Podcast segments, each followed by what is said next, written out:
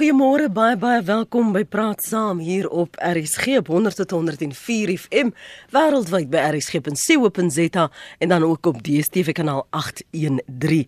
My naam is Lenet Fransis. Die parlement sê hy verwelkom die konstitusionele hof se verwerping van die Helen Suzman Stichting en die drukgroep My Vote Counts se saak oor direkte toegang tot die hof rakende oud-president Jacob Zuma. Die twee partye wat die hof vra om die spreker, Baleka Mbete te dwing om met regstappe teen 'n president te begin ingevolge af, af artikel, ekskuus, of afdeling 89 van die grondwet. Die SA grondwet word as een van die beste ter wêreld beskou, maar het die grondwet nie ook beskerming nodig nie? Praat gerus saam vanoggend met my uitgeleese gaste. Dis professor P de Vos, grondwetkenner verbonde aan die Universiteit van Kaapstad. Goeiemôre professor, baie welkom. Goeiemôre Lenet en dankie dat uh, jy my uh, op jou program het. En ons gesels ook hier in die ateljee in Johannesburg met Dr Leon Wessels. Hy was die ondervoorsitter van die grondwetskrywende vergadering. Cyril wel nou ons president Cyril Ramaphosa was destyds die voorsitter. Môre Dr Wessels, baie dankie dat jy ook ingekom het vanoggend. Welkom. Goeiemôre Lenet. Kom ek wil sommer met jou weg. Toe julle destyds in die vroeë 90's die grondwet geskryf het, ek is seker daar was baie bepeins, daar was baie konflikterende verwagtinge uh, geweet dit kan nie die alfa en omega wees vir almal nie maar jy het enigstens ruimte gelaat wat die einste grondwet wat jy besig is om te skryf te skep eendag beskerming moontlik beskerming sou benodig? Die, die jare onmiddellik nadat die grondwet aanvaar is eh, was dit my oortuiging dat uh, die grondwet self in 'n bepaalde vaartversnelling is. En die rede daarvoor is baie duidelik. Nie een van die partye wat die grondwet onderhandel het, wou die grondwet verdedig nie, want dit was nie polities uh gunstig om dit te doen nie. Die ANC het byvoorbeeld gesê hierdie is 'n kompromisgrondwet. As ons dit alleen geskryf het, sou ons dit anders gedoen het en die nasionale party het presies dieselfde gedoen. Deur te sê uh, ons sou dit anders geskryf het indien ons dit alleen gedoen het. En vir jare daarna is daar gekibbel wie se grondwet is dit nou hierdie? En dit is die kenmerk van alle onderhandelaars en onderhandelinge. Wanneer partye ooreenkom uh, dan is dit moeilik om daardie ooreenkomste te verdedig in die aangesig van kritiek van jou eie mense. Maar ek is van mening dat die grondwet het met die verkiesings wat gevolg het 'n bepaalde legitimiteit ontwikkel en verskillende rolspelers soos politieke partye, burgerlike samelewingsinstansies, uh die dinamiese uh, en en leidinggewende rol wat die howe gespeel het, het het 'n prentjie ontvou wat daarop dui dat die grondwet het beskerming nodig, maar daar's 'n veelheid van rolspelers wat dit moet doen. Hmm. So kan ek vir jou vra dan professor De Vos as 'n mens kyk in die afgelope 2 3 jaar se verwikkelinge in ons howe dokter uh, Wessels praat hier van 'n bepaalde legitimiteit het dit nog geloofwaardigheid of is dit juis so onduidelik dat dit die hele tyd getoets moet word?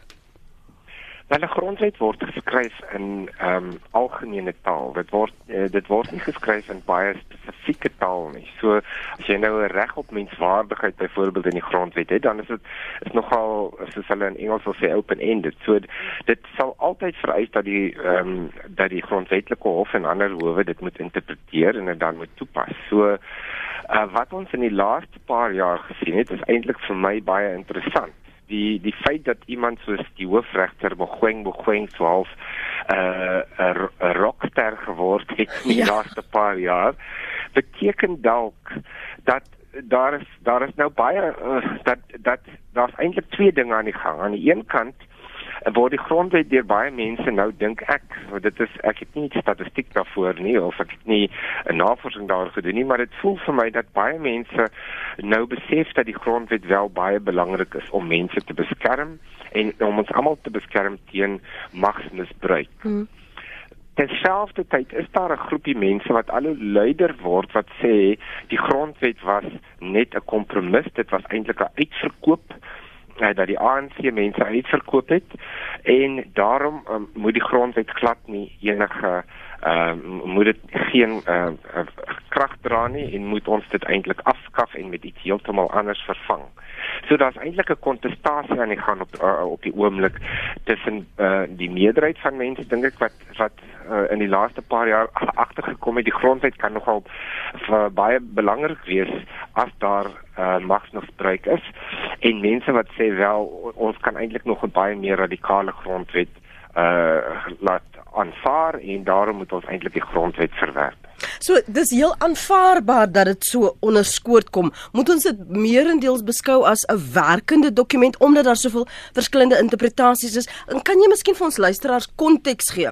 Veral as ons sien dat die openbare beskermer vir Lydia byvoorbeeld gesê het die parlement moet ehm um, 'n spesifieke artikel van die grondwet verander. Um nou met De Lille se saak teen die DA ook weer verwysings na die grondwet laat dit nie toe nie. Dis nie so maklik nie. Hoekom is hoekom is dit so open-ended soos jy daarna verwys dat elkeen sy eie interpretasie daaraan kan hê? Gaan nou vir jou kans gee Dr. Wessel sou net so vas. Uh Pierre? Wel Ja, so, kyk ek ek is een van daai mense wat dink eintlik die meeste wetgewende bepalinge het 'n sekere van 'n uh, oopheid. Daar mense moet dit altyd interpreteer. Mense moet dit interpreteer. Gewoonlik is dit die howe, die regters in die in die howe wat dit interpreteer. Natuurlik 'n grondwet die wat die grondwetlike hof het al verskeie kere veral in die beginjare gesê grondwet kan nie net enigiets beteken wat ons wil hê dit moet beteken nie. Ons moet na die woorde gaan kyk. Uh partykeer is die woorde baie spesifiek, partykeer is dit baie uh, relatief vaag.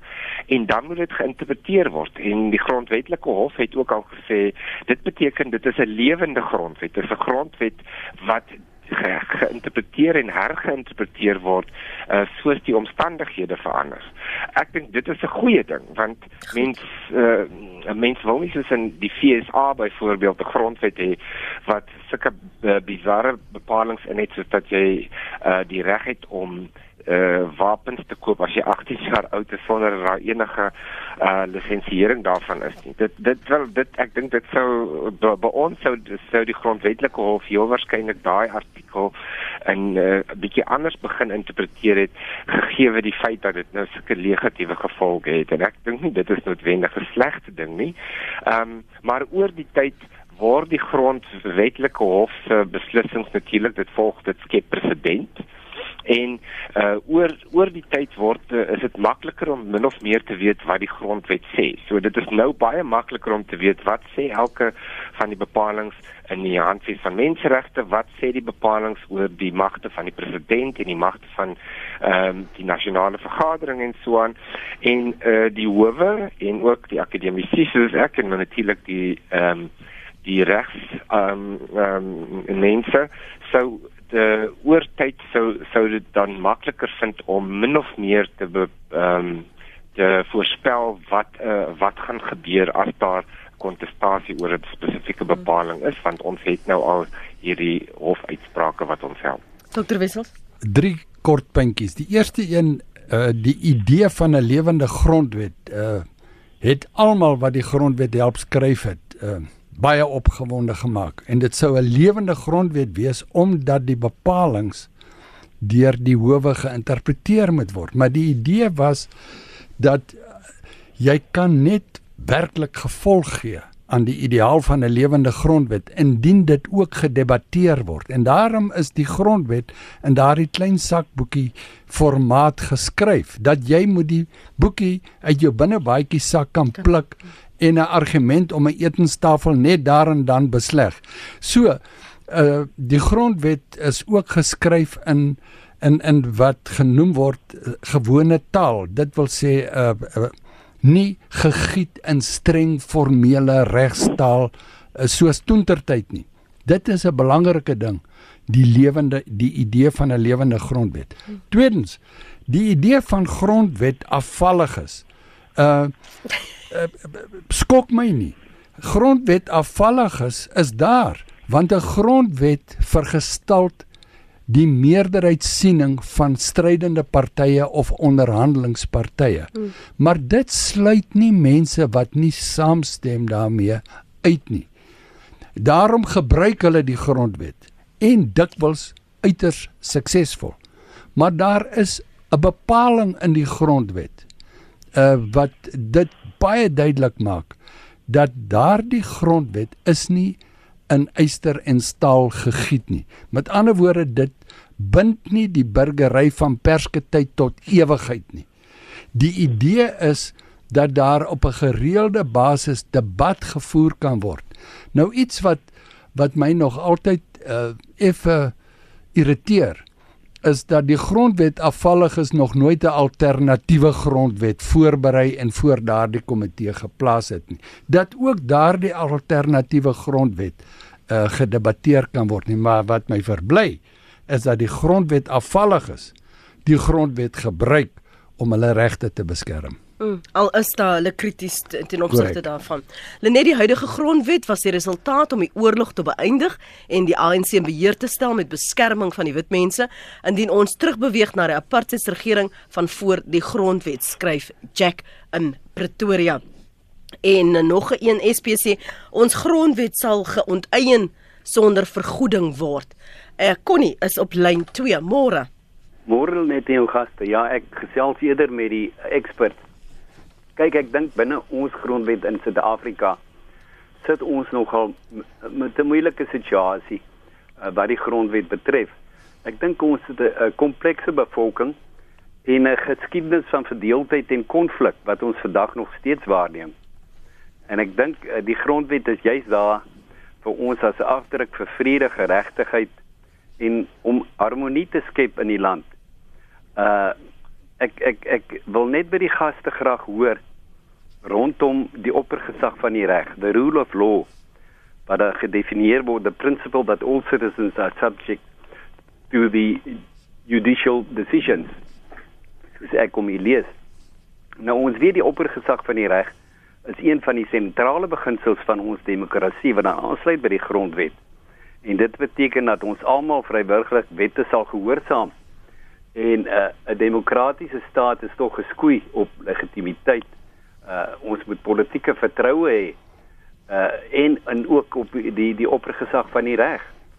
Uh my vraag is net uh as ons uh, dan die hoeksteen van 'n demokrat uh, demokratiese gemeenskap uh daar stel, is ons tog almal gelyk voor die reg.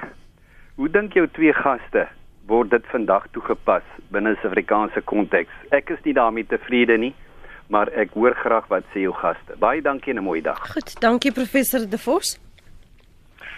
OK, so dit is nog 'n interessante vraag en 'n pertinente vraag. Ek dink daar is ehm um, natuurlik in terme van die grondwet is almal gelyk uh, uh vir die vir die reg.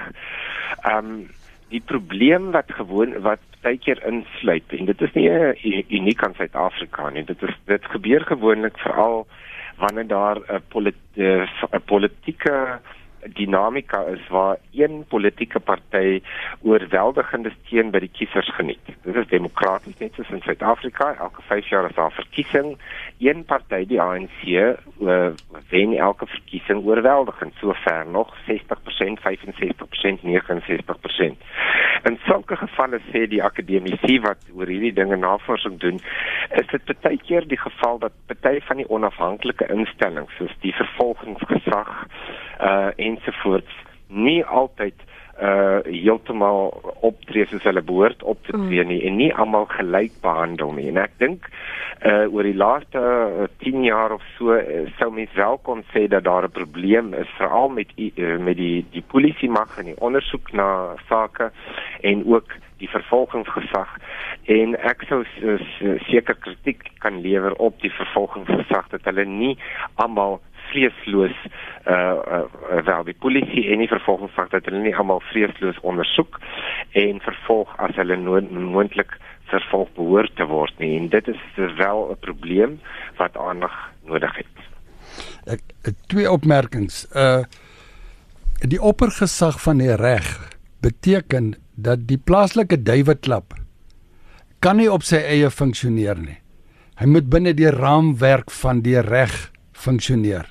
Die parlement kan sy eie reëls en sy eie prosedures bepaal, maar dit durf nie indruis teen die gang van die grondwetlike waardes uh, wat vooropgestel word nie. Dus die duiweklap en die parlement kan maak wat hulle wil, maar hulle moet dit binne die raamwerk van die reg doen. Mm. En daarom is daar die toetsingsbevoegdheid en die rigtinggewende uitsprake uh, van die konstitusionele hof wat ons reeds uh, ervaar het. Nou wat vrede en harmonie aanbetref, kon nie maak 'n baie geldige punt. En Pierre het reeds daarbey daarbey aangesluit dat 'n grondwet onthou net 'n grondwet is onder druk koker omstandighede in die nanag dikwels geskryf en ons het nou die voordeel van 22 jaar se terugskouing hmm. uh van wat in die nanagte gebeur het wat toe woorde aan mekaar getimmer moes word. Dus 'n grondwetlike woorde stel die ideaal, maar die gesindheid van jou regering, van jou parlement, van die burgery kan jy nie vasvat in 'n grondwet nie. En daarom beteken dit eenvoudig nadat die grondwet geskryf is, was dit nie die einde van die pad nie. Dit was die begin van 'n nuwe avontuur. Een van die punte professor De Vos wat Dr. Wessels gemaak het is die drukkoker status en die wyse waarop woorde aan mekaar getimmer is en begrippe en dat ons dit die laaste ruk gesien het dat die grondwet werklik getoets word. Geef vir ons luisteraars perspektief nou omdat ons kan terugskou uh, wat die uitdagings was met die vermaaning wat uh, hoofregter Mogoeng Mogoeng byvoorbeeld aan die parlement gegee het waar hy gesê het hulle het gefaal in hulle taak om verantwoordbaarheid en, en die grondwet en al daardie ander aspekte te eerbiedig. Wat het dan fout gegaan dat hulle dit gefaal het en kon die grondwet dit voorsien het? Was daar ruimte vir daardie soort skuiwergate? Wel, dit is altyd moeilik as mense grondwet uh, saamstel want die mens mense uh, mense ehm um, uh, onderhandel dalk die grondwet in 'n sekere situasie, maar dan verander die situasie natuurlik en dan weet mens nie altyd hoe daardie bepalinge in die praktyk gaan werk nie. As, as die politieke dinamika verander, dan sal die toepassing van daai bepalinge in die grondwet dalk 'n bietjie anders daar uitsien. Wat wat in Suid-Afrika gebeur het, dink ek, dit is nou maar my eie opinie, is dat um die, die ons het uh, 'n uh, sekere kiesstelsel aangeneem, 'n uh, proporsionele stelsel omdat dit die mees regverdige stelsel is vir almal en almal verteenwoordig word daardeur. Um en uh, daai omdat ons dit gedoen het, het ons eintlik vir die politieke partye baie mag gegee uh vis-à-vis -vis die instellings soos die nasionale vergadering en die uitvoerende gesag. En so daar's 'n bietjie van 'n onsekerheid gewees oor waar lê die mag nou eintlik? Is dit by die die regerende party se se buiteparlementêre parlementêre uh, leierskap of is dit in die nasionale vergadering? En wat in die laaste jaar of 2 gebeur het is dat die grondwetlike hof begin sê het nee maar ons moet bietjie probeer om hierdie mense te druk en ons moet bietjie probeer om hulle te kry om te erken dat die mense wat ons verkies het as 'n land, nie uh, as partylede nie, maar as 'n land is die mense wat in nasionale vergadering is en dat daardie nasionale vergadering sy of haar werk behoorlik moet doen om die uh, uit, uitvoerende gesag verantwoordbaar te hou. Ehm um, so daar's eintlik dit het eintlik 'n bietjie uh as 'n respons op wat in die politiek gebeur het, het die grondwetlike hof uh delikaat en baie subtiel eintlik het hulle probeer om die nasionale vergadering te kry om uh hulle uh hulle werk te doen ongeag van die politiek en die politieke lojaliteite teenoor partye wat daar uh, wat daar dalk mag bestaan. Dit is natuurlik nie maklik nie want daar's altyd 'n spanning tussen daai twee. Daar's altyd 'n spanning tussen wat jou partyleier sê en wat jou grondwetlike verpligting uh, as demokratiese verkose lede van 'n nasionale vergadering vereis dat jy dalk moet doen. Ek ek wil terugval op 'n argument wat uh, aartsbiskop Desmond Tutu jare gelede gebruik het in die jare van stryd en struggle. Toe het hy gesê daar 'n uh, samelewing bevind hom nooit in 'n leierskapsvakuum nie. Met ander woorde as as die leiers nie leiding gee nie en daar is 'n leierskapsliglegte, dan tree iets anders na vore en ek dink ons het dit nou gesien. Die parlement het nie leiding gegee nie. En wie het na vore getree? Die joernaliste in die burgerlike samelewing. Hulle het die parlement, hulle het die uitvoerende gesag, hulle die amptenary hof toe gesleep omdat hulle nie hulle pligte gedoen het om die grondwet te beskerm nie. En elke keer het hulle geslaag. Hoekom? Omdat die howe wat nie uh wetgewend van aard is nie, maar wat die reg spreek, die grondwet telkens geïnterpreteer het. Julle, julle die bewakers van die grondwet of wat as bewakers na vore moes tree, het sy die uitvoerende gesag, die regering of die wetgewende gesag, julle julle plig versaak. En ek dink een goeie dag gaan daar 'n klein monument gebou word vir die joernaliste en die burgerlike samelewing wat die grondwet toe beskerm het. Het jy min in die laaste dekade die gevoel gekry dat die parlement wel die grondwet onderbou?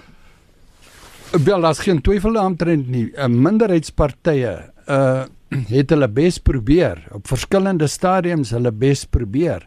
Maar soos Peer tereg uitgewys het, die politici wat in die parlement gesit het, het hulle politieke leiers na die mond gepraat. Gepraat van die politici en en in die parlement, so dikwels sien ons die die grond die, die reëls van die parlement en en en ehm um, word uitgeruk en artikel dit en dat na verwys. Dit wag jy gesê word nie in 'n point of orders word die een na die ander uitgetrek. Professor De Vos, dink jy die parlementslede wat daar sit, watter party verstaan verstaan die die konsep van grondwet wat dit probeer doen en en hou dit omhoog asof dit ten minste rigtinggewend moet wees en vir ons help bepaal of is dit soos Leon sê dit hang af wie maak die hardste geluide Nou, jy weet ek wil nou nie namens iemand praat wat ek wat ek nie persoonlik ken nie, maar ehm um, ek sê Gee my jou oorsig. Gee my jou oorsig. Algemene ehm um, uh daar's 'n algemene tendens vir mense om die grondwet nogal goed te ken as dit in hulle guns is en om te maak asof hulle die grondwet nie baie goed ken as dit nie in hulle guns is nie.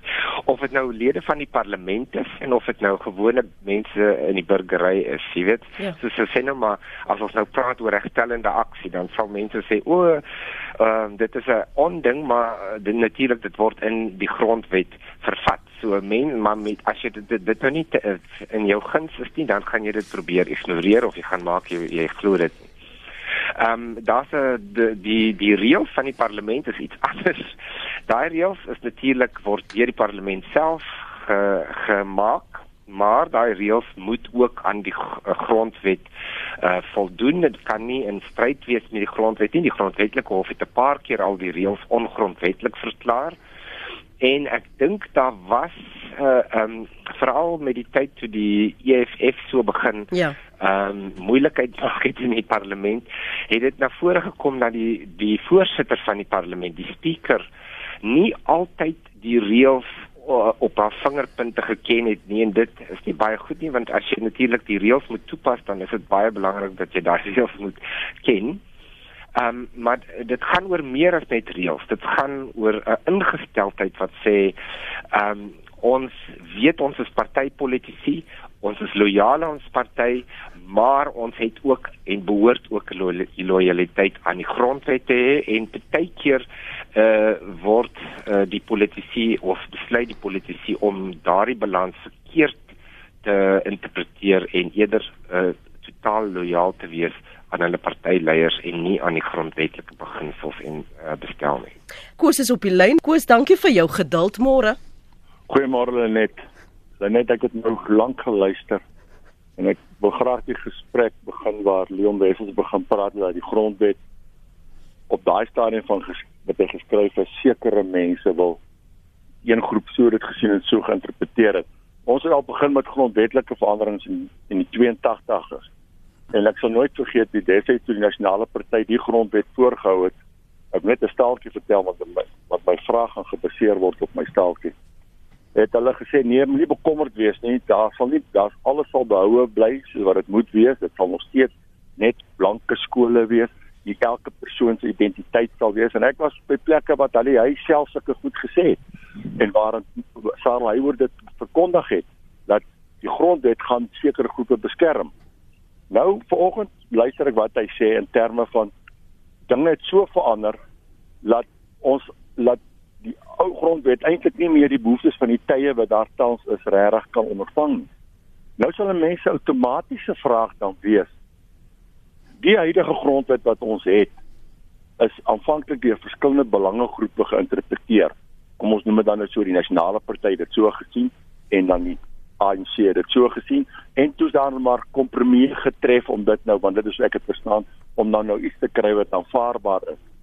Ons nou so 25 jaar af en ons is aan nuwe Suid-Afrika. Het ongelooflik baie goed verander. Daaroor wil ons nou nie met mekaar stry in in terme van wat 25 jaar terug was nie. Regstellende aksies implementeer. Alles alles wat verander het, het in Nederland verander. Uh ons plaaslike owerhede word beheer deur wel deur, deur ander politieke partye. Dinge heeltemal verander. Nou sou my vraag wees, in hoe mate beskerm die huidige grondwet dan nog steeds mense se individuele sienings en behoeftes op dan groeperings groeperings se sienings en behoeftes en is dit dan nou tyd om te gaan sit en 'n nuwe grondwet te gaan skryf gegeewe die huidige omstandighede soos dit verander het ja. want hy het begin om te sê in die veranderde omgewing is daar 'n grondwet geskryf wat kompromie gekry het Goed. Gaan, ons gaan, gaan ons gaan kyk na ander grondwet met ander grond met nuwe kompromie het hoe hoe hanteer hoe sien hulle dit? Dankie. Graag wil weer sê dankie dankie baie dankie Koos want dit lei ons eintlik ook in na wa watter veranderinge het sedert 96 plaasgevind. Miskien is ek 'n grondwet afvallige maar ek is nie bang vir die idee van nuwe dinge of 'n nuwe grondwet nie. Dit moet net binne die grondwetlike prosesse uh, en raamwerk geskied. uh, uh, die regskool in die Universiteit van Chicago het het 'n studie gedoen oor die langdurigheid van geskrewe grondwette en die meeste grondwette het 'n rakleeftyd van 17-20 jaar. Dit is hulle uh, bevindinge hieromtrent. Uh, Thomas Jefferson het al 'n uitspraak gemaak en gesê een generasie kan nie 'n ander generasie bind nie. Pierre het die opmerking gemaak dat omstandighede en tye verander. Ja. Dus as die grondwet vandag nie die ondersteuning van die meerderheid van die burgers wat hy moet dien uh beskerm en gevolg gee aan hulle drome en ideale nie dan moet daaroor 'n debat gevoer word en my punt vroeër was die grondwet self maak en skep ruimte vir daardie debat. Dus uh ons moet praat oor die dinge. Ons kan nie uh daarvan wegskram nie. Ons kyk nie meer na die land uh, soos wat ons 70 jaar gelede gekyk het toe die nasionale party aan bewind gekom het nie of toe die universele deklarasie van menseregte 70 jaar gelede aan, aanvaar is nie. Feit is die universele deklarasie van menseregte het die nasionale party oorleef. Ehm uh, so ons moet binne daardie raamwerk moet ons na dit alles kyk. En ek dink nog steeds die grondwet skep die ruimte ook vir die individu om op 'n bepaalde grondslag homself te organiseer en homself te beskerm. Dit is die essensie van demokrasie. Jy kompeteer vir mag en die wat in die magsposisie is, moet dan regeer ten behoewe van almal en nie net ten behoewe van die wat vir hom gestem het nie. En indien hulle daardie mag misbruik, dan moet daar prosesse en uh, instrumente wees om daardie minderhede te kan beskerm. En telke telkens wanneer die uh die regering van die dag op sy baadjie kry in die konstitusionele hof, dan wen daardie persone wat in verset gekom het, grondwetlik in verset gekom het teen die regering. So so wie moet dit dan beskerm professor De Vos? Koos praat van individue hy praat van groeperinge. Uh, Leon praat van die meerderheid burger is burgery, Suid-Afrikaners. So so wie se belang gaan jy vooropstel Wel die die grondwet is daar vir almal. So uh, in die eerste plek is dit uh, daar die grondwetlike skrywers het 'n uh, baie uh, belangrike ek sou sê seker ideologiese besluit geneem toe hulle die handves van menseregte aanvaar het en hulle het gesê ons gaan nie groepsbelange beskerm in hierdie handves nie. Selfs die uh, regte op om jou kultuur uit te leef en so 'n is 'n individuele reg wat jy het om saam met ander mense um, jou kultuur uh, uit te leef. maar daar is nie 'n groeps, daar's geen groepsregte in die grondwet nie. Dit is individuele regte. Dit is 'n dit is deel van die menseregte uh, uh kanon as jy so wil vertel wat sê regte is individueel van aard.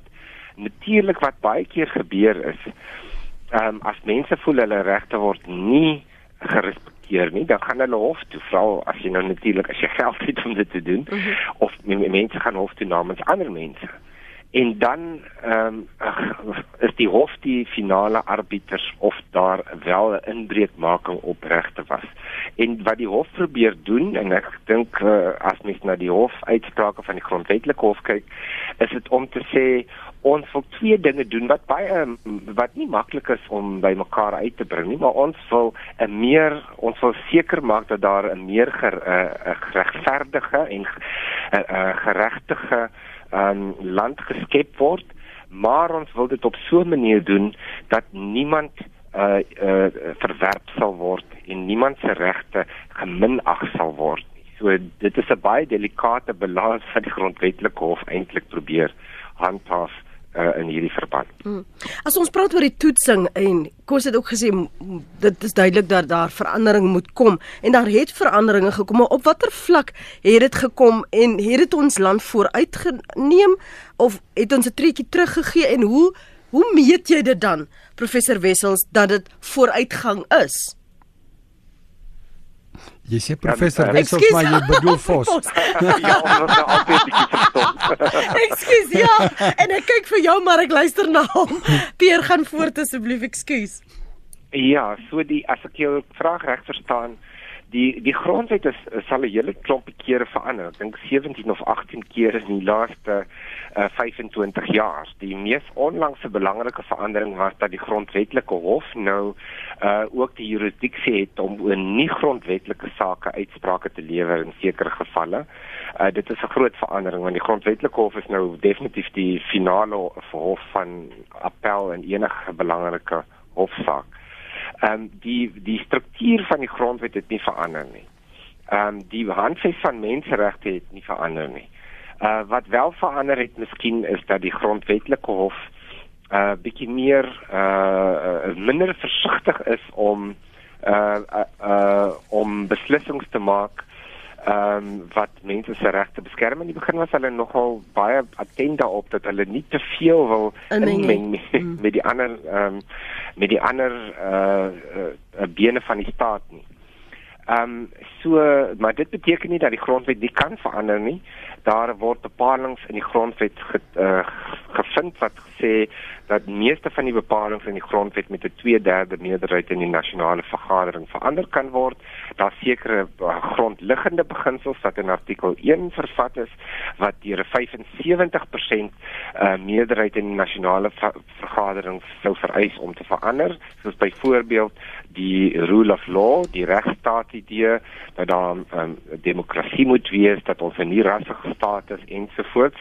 Uh so dit sou baie moeilik wees om te verander, maar die meeste ander dele van die grondwet sou mens wel kon verander, maar jy sou 'n 2/3 meerderheid hmm. nodig hê daarvoor. So net voor die breek, eh, Leon wil is daar aspekte noemenswaardige veranderings wat jy wat vir jy belig? Die belangrike ding is dat die struktuur of die argitektuur van die grondwet is in is in stand en die onderliggende waardes wat met 75% verskans word is beveilig. Nou eh, in die onlangse verlede het ek my dikwels vasgeloop in mense wat die argument voer en sê maar joh 66% is maar baie min en 75%. Hoekom word dit nie 100% verskans dinge soos menswaardigheid, regstaat en so meer nie? Iets wat jy moet onthou dat binne die verwysingsraamwerk van 'n grondwet moet politiek bedryf word. En indien uh die meerderheid mense se ideale so frustreer word deur 'n klein minderheid, dan loop jy jou vas in 'n bottleneck en dit kan uitloop op baie ernstige konflik. 75% verskansing is 'n baie baie hoë verskansing. En die argitektuur, die hele idee van 'n demokratiese regstaat uh dink ek moet te alle koste beveilig word. En en eh, voor ons na die breek toe gaan professor De Vos, waarom het ons gesien dat dit gelyk asof niemand meer tevrede is met of uitsprake wat in die laer howe dan nou gegee of gelewer word nie dat almal hulle dan elke keer wend tot die konstitusionele hof vir 'n uitspraak asof dit die laaste jota in titel moet wees. Nou, uh, dit is maar wat gebeur in 'n grondwetlike staat waar die grondwetlike hof is. Uh in terme van die regspleging ten minste, nou die uh, finale arbiter van wat die grondwet beteken. Dit beteken natuurlik nie dat die grondwetlike hof altyd die laaste sê het nie. Soos die vorige oud uh, hoofregter Sandile Ngobo op 'n keer in 'n toespraak gesê het, daar is eintlik 'n uh, gestruktureerde dialoog uh, aan die gang tussen die grondwetlike hof en die parlement Ehm um, so daar kan altyd eh, 'n uh, re respons wees van die parlement of uitsprake van die grondwetlike hof. Ehm um, maar ek dink wat dalk gebeur het in in die laaste tyd dat die mense hulle self so na die grondwetlike hof ge, gewend het was miskien omdat die die politieke proses het nie vir mense gegee wat hulle gedink het dit moet vir hulle gee nie.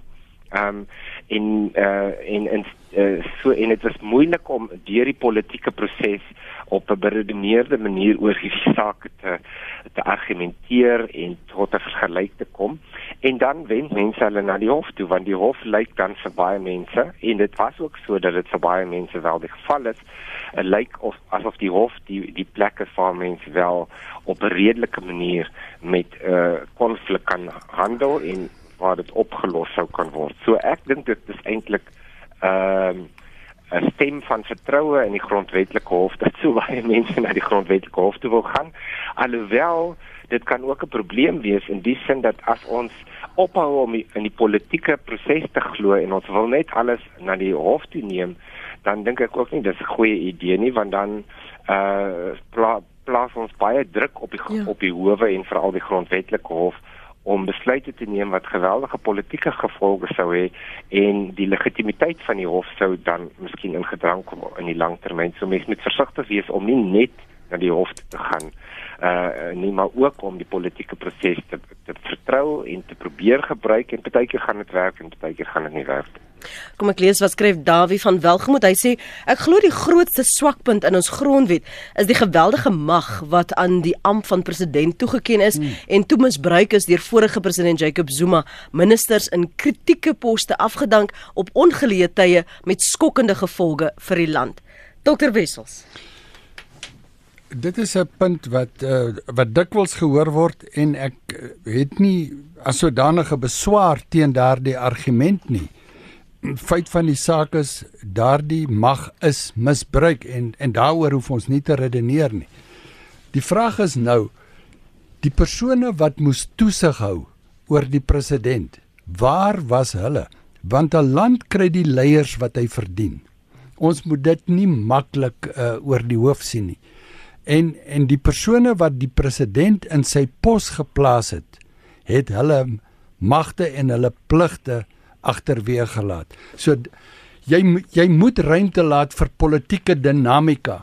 En as die politieke dinamika van so 'n aard is dat dit jou val, dan in alle waarskynlikheid uh is dit waar die probleem lê. En jy kan nie 'n grondwet maak om daardie dinamika te ondervang nie. Professor De Vos ander swakpunte en en deel jy die sentiment van Dawie daar?